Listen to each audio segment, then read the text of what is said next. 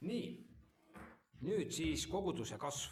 So, about church growth now. mis teil on eelmisest korrast meeles, Uh, what do you remember from last time? nagu väga With, with, with, uh, out like actually looking at your notes, but, but what do you remember from uh, last time? Well, there are churches in Estonia which are actually growing.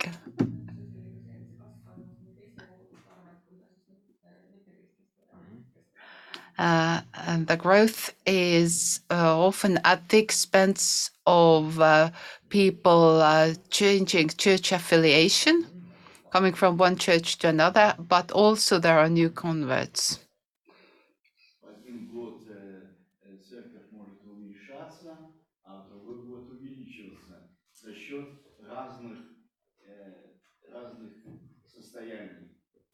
там беженцы приехали или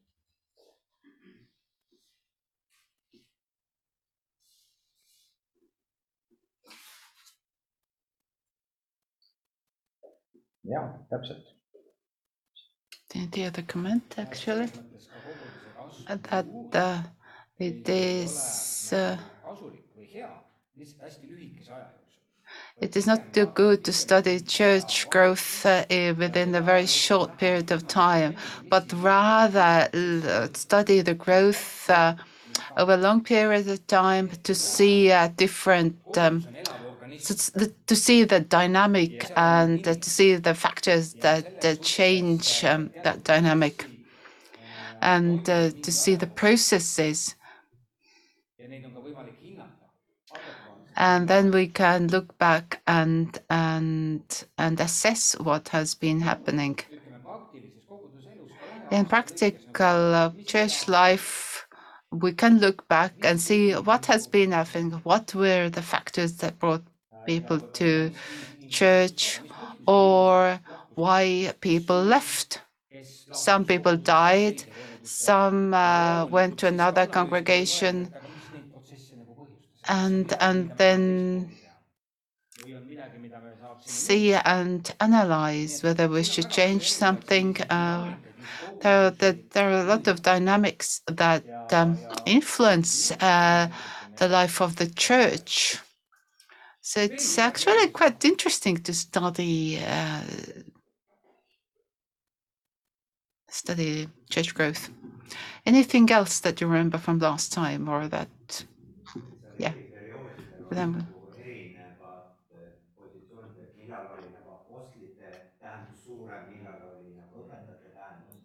That was it, it was interesting to to to to to see how um, the offices uh, in the church have. Um, oh, okay, some uh, some uh, offices have lost their importance, uh, such as apostles, and then the shepherds and teachers uh,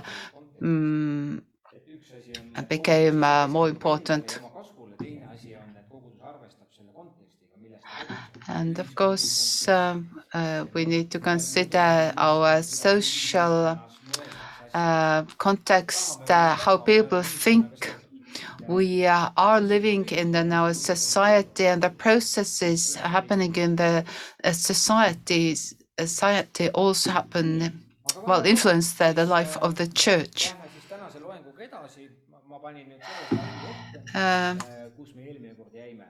So the last si- slide uh, from uh, our last study day. and uh, for inf- for our Bible school mm, students. Uh, this uh, church growth movement um, started in the second half of uh, the 20th century, and also the studying of churches uh, started with uh, Donald McGavran. Donald McGavran.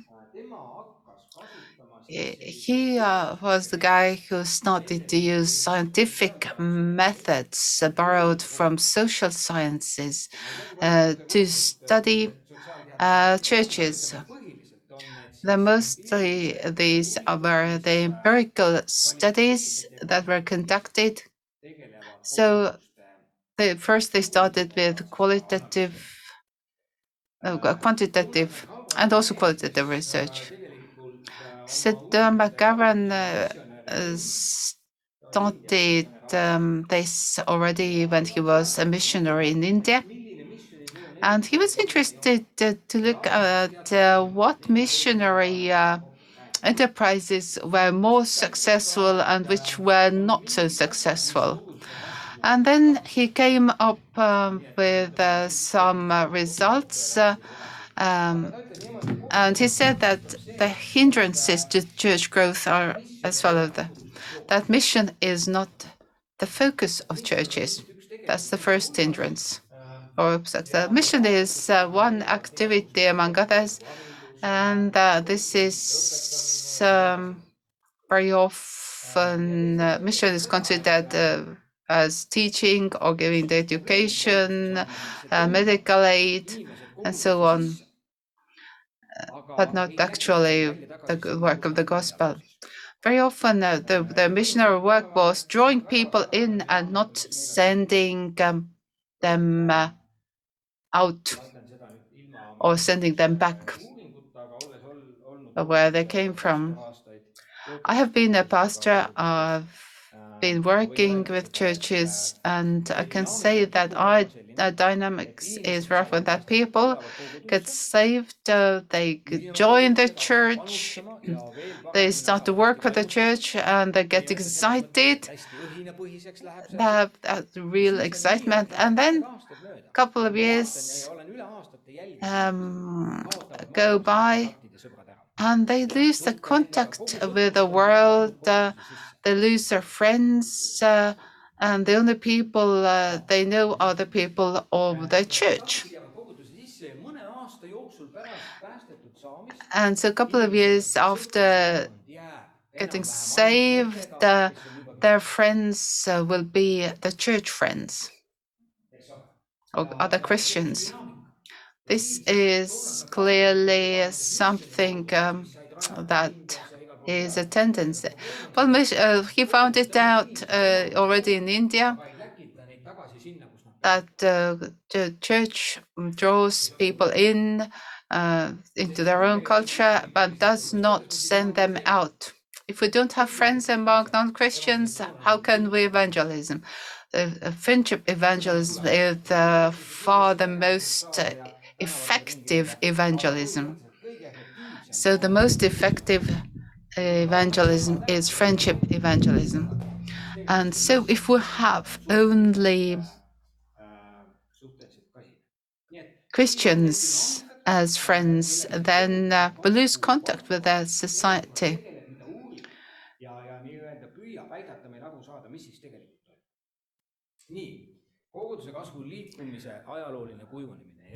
So historical formation of church growth movement.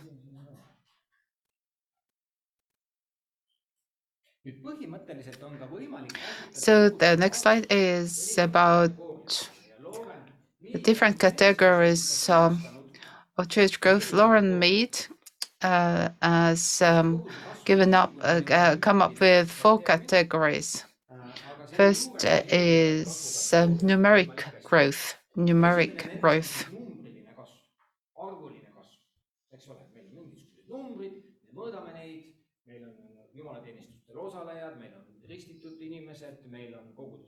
So we are.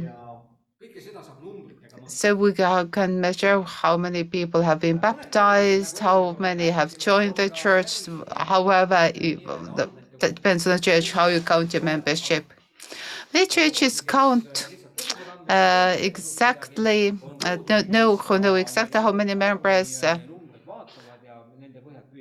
uh, some churches do not really, you know, count the numbers. Uh, some people, uh, some churches really look at the numbers and analyze them. Uh, so everything that uh, can be measured in numbers. Now, uh, second uh, category is um, mõistame siis just uh, growing into the maturity or the g- growing in faith, and this can't be measured. Um, võib-olla meil oleks natuke kiusatus mõõta, exactly. Okay, maybe we could say how many people come to the prayer meeting.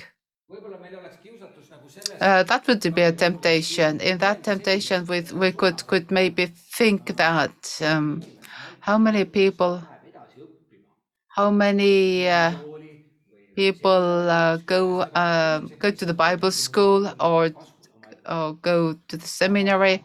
They are kind of simply dedicated to their spiritual growth. But these, but uh, but is a temptation because we really do not uh, know. Uh, or we can't um, measure and growing in maturity is something that when somebody becomes a disciple um, of Jesus and becomes the one who will disciple others. So, so uh, growth is not um, about your personal growth, but getting to the level of helping where we can help others to uh, reach um, um, spiritual maturity and become a disciple who will disciples others others. So jesus' command to make disciples means that we have these peoples in our people in our lives who we help on in uh, their spiritual life. And the third category is organic growth. And this is something that uh, concerns the life of the church that spills over to the society. So this is the outreach, uh, how they um, they influence the society. Um, uh, I'm studying at the moment uh, church growth that uh, these uh, these churches that grow in Estonia integrate are integrated into the society. They serve the needs of the people,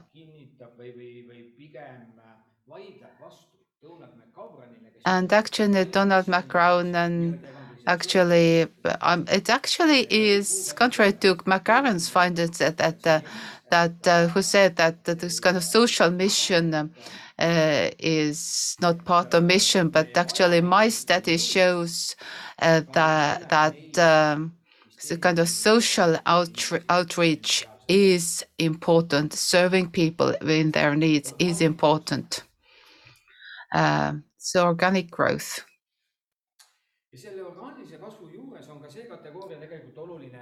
And under organic growth, uh, it is important what happens within the church, uh, how we communicate, how we live as a church. Organic is natural. Um, it is a natural process that happens within the, church. We're, going to talk about church health, and uh, organic growth is part of the understanding what is a healthy church. And this uh, the fourth category is a bit more abstract and is called incarnational growth. Incarnational growth, becoming flesh. As uh, Jesus uh, became flesh, became a man, became part of us. So incarnational growth is a category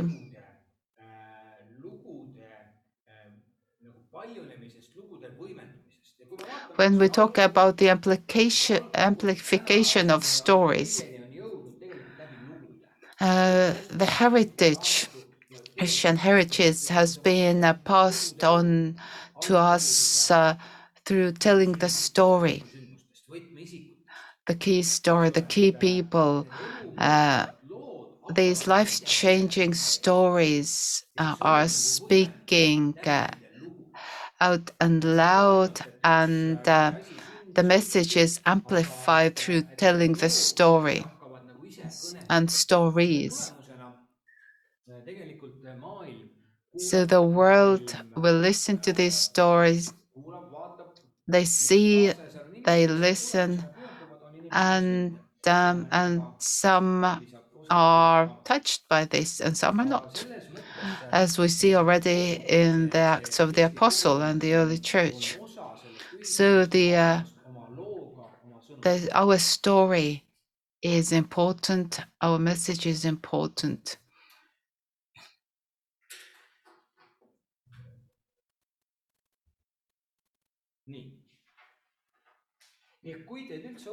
nii. nii et kui teid üldse huvitab, see on, mida mina tihtilugu teen, et kui ma kuskil kuulen kedagi midagi rääkimas ja ta nimetab erinevad autorid. And- And uh, I, I'm looking always the authors, what they read, what are the things like somebody names. I always look at their uh, back. I, I, I'll read their books. And if uh, this is uh, a topic that inspires you, uh, this uh, take note of these authors and and go back uh, to their books uh, uh, and and and read.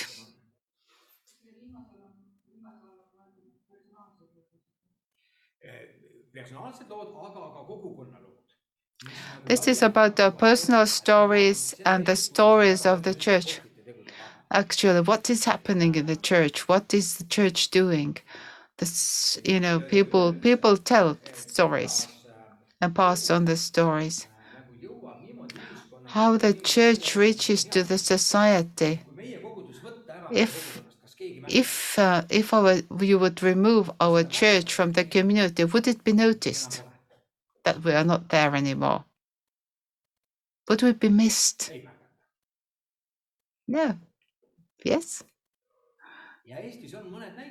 Well, there are some examples when. That that, that actually that uh, for example Rakvere Carmel Church uh, have strike that note really well. But there are a few churches. Uh, Rakvere Carmel Church has been a growing church. Uh, in addition to the numeric growth, uh, these uh, other categories and this secondation growth, that they have they have a story. People know them. People talk about them. see and- kogudus kindlasti on 3D Uh, 3D Church. Has been able to address the wider community. The stories, personal stories, and the stories of the community stories.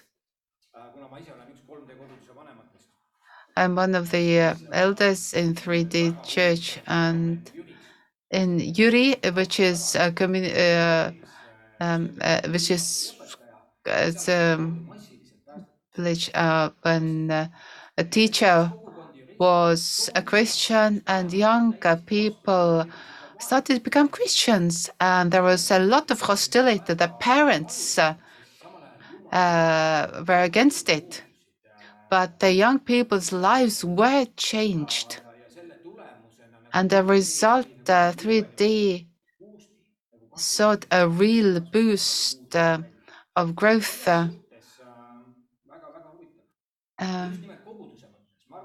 as a, as a church, on seda närvi tabanud päris palju Lootuse küla. Uh, and uh, this is about churches, but uh, the Village of Hope, uh, their stories uh, speak loud.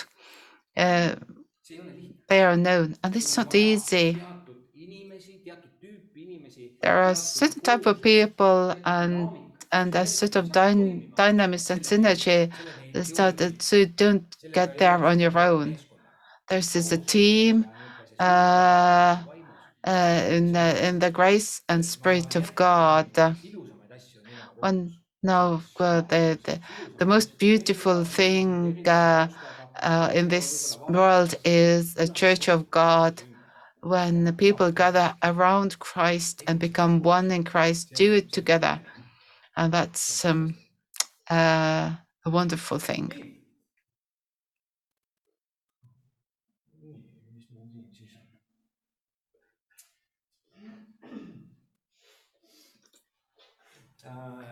informatsiooniks teile, et ka nüüd, mis puudutab seda koguduse kasvu. Now, the church growth movement, church growth movement, uh, which was started by John Donald McGavran, and uh, he started uh, uh, the World School of World Missions in uh, Fuller Theological Seminary. It's one of the uh, very good theological school, and um, that was the start of, of doing a lot of research. They have started other processes, and one of these is the church growth, and it was a kind of an explosion that it caused uh, a lot of furor around it. And-.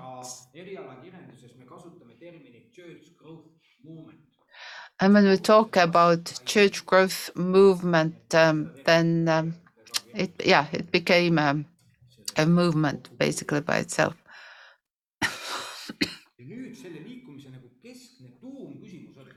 But uh, the core. question uh, of this movement was "But why some churches grow and why others don't? What is behind that growth? Or what is behind uh, the decline?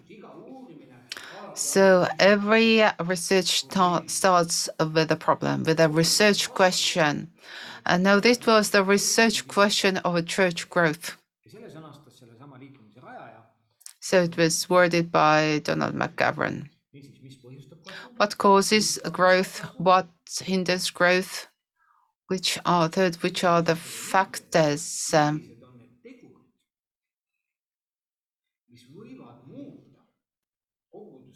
which can uh, can um, can boost uh, the growth into a movement so that the multitudes will be saved, which we, which we call usually awakening. We need the, you know, multitudes to come to Christ. And then he worded another important aspect as a question which principles can be repeated? We, uh, that we, we study a church which is growing. We uh,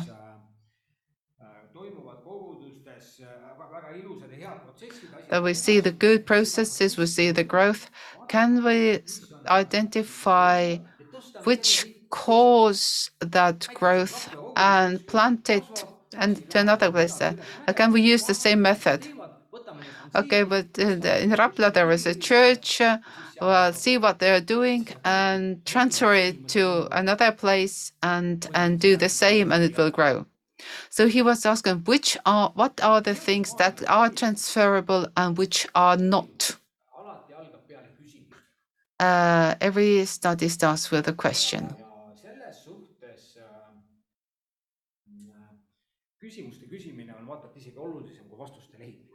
And asking the right questions is is the key. Very often we in our churches, well, we know the answers. Uh, we think we have the answers, but we never ask the, the questions. We, we don't know what are the questions. Maybe there are questions, but we do not have answers. So, uh, this bringing uh, scientific thinking into church and uh, and um, ask these questions. Um,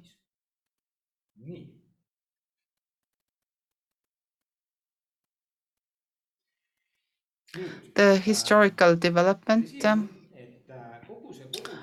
of church growth movement. Donald McGavran uh, actually.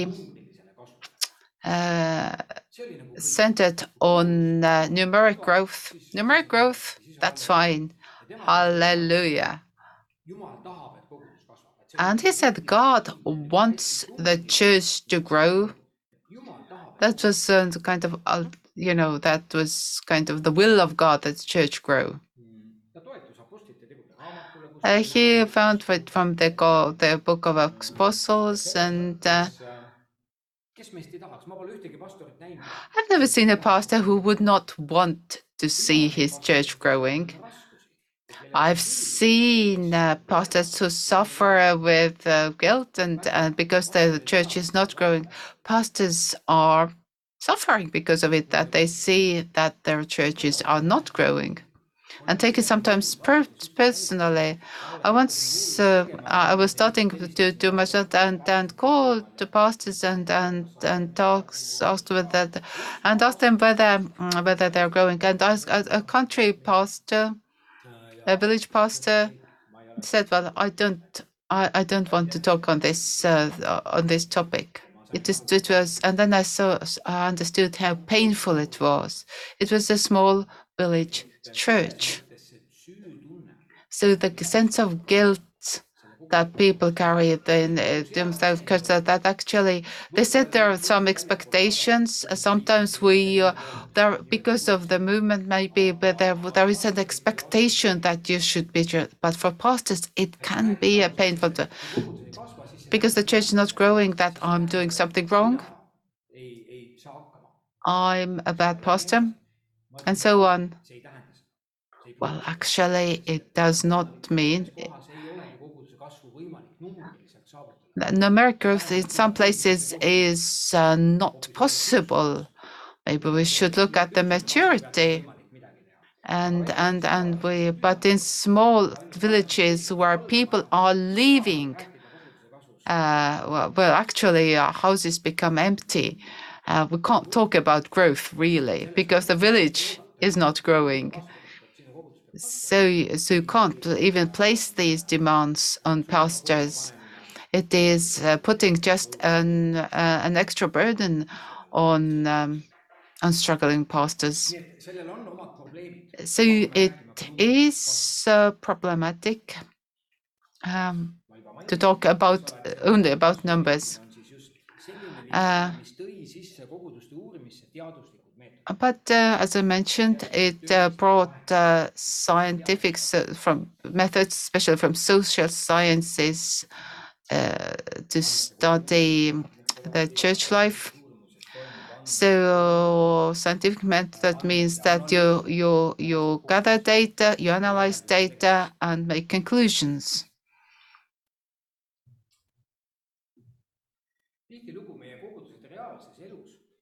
In real life, igapäevaelu ja mure our we are living our daily tahet ja valmisolekut. doing our daily business and uh, we are not even considering this but and I mean often we don't have people who would be able to do it or want to do it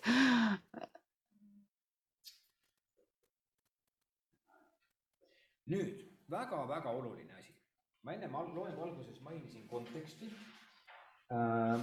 ja, ja siin on oluline nüüd arvestada, et koguduse kasvu puhul on sisemised ja välised tegurid. so there are internal and external factors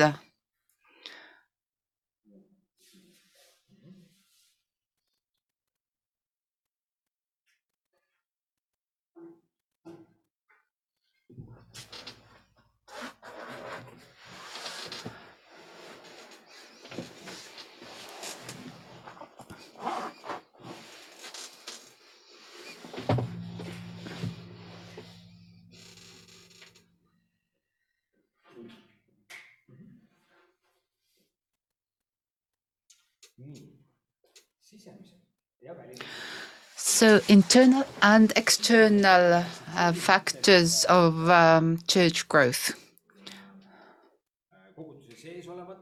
So ex- e- external or in- internal factors, what is concerning the uh, local church life, but external is concerned, of course, what is outside the church. Then, so for the early church, what were this these um, historical social factors and influenced the spread of the gospel, the growth of the church, and the secular uh, historians also uh, confirm this.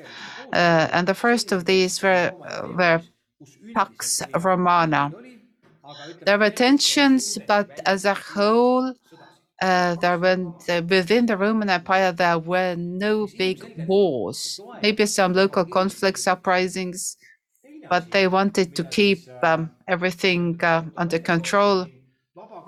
Uh, free market, uh, the exchange, so so active uh, economic relations uh, between different parts of uh, the Roman Empire. Sometimes that, that, the Estonians uh, want a, a hard time that because then they, will con- people come back to God. I don't believe in this. One masters uh, uh, study uh, in Tartu University showed that that they said that there are no atheists.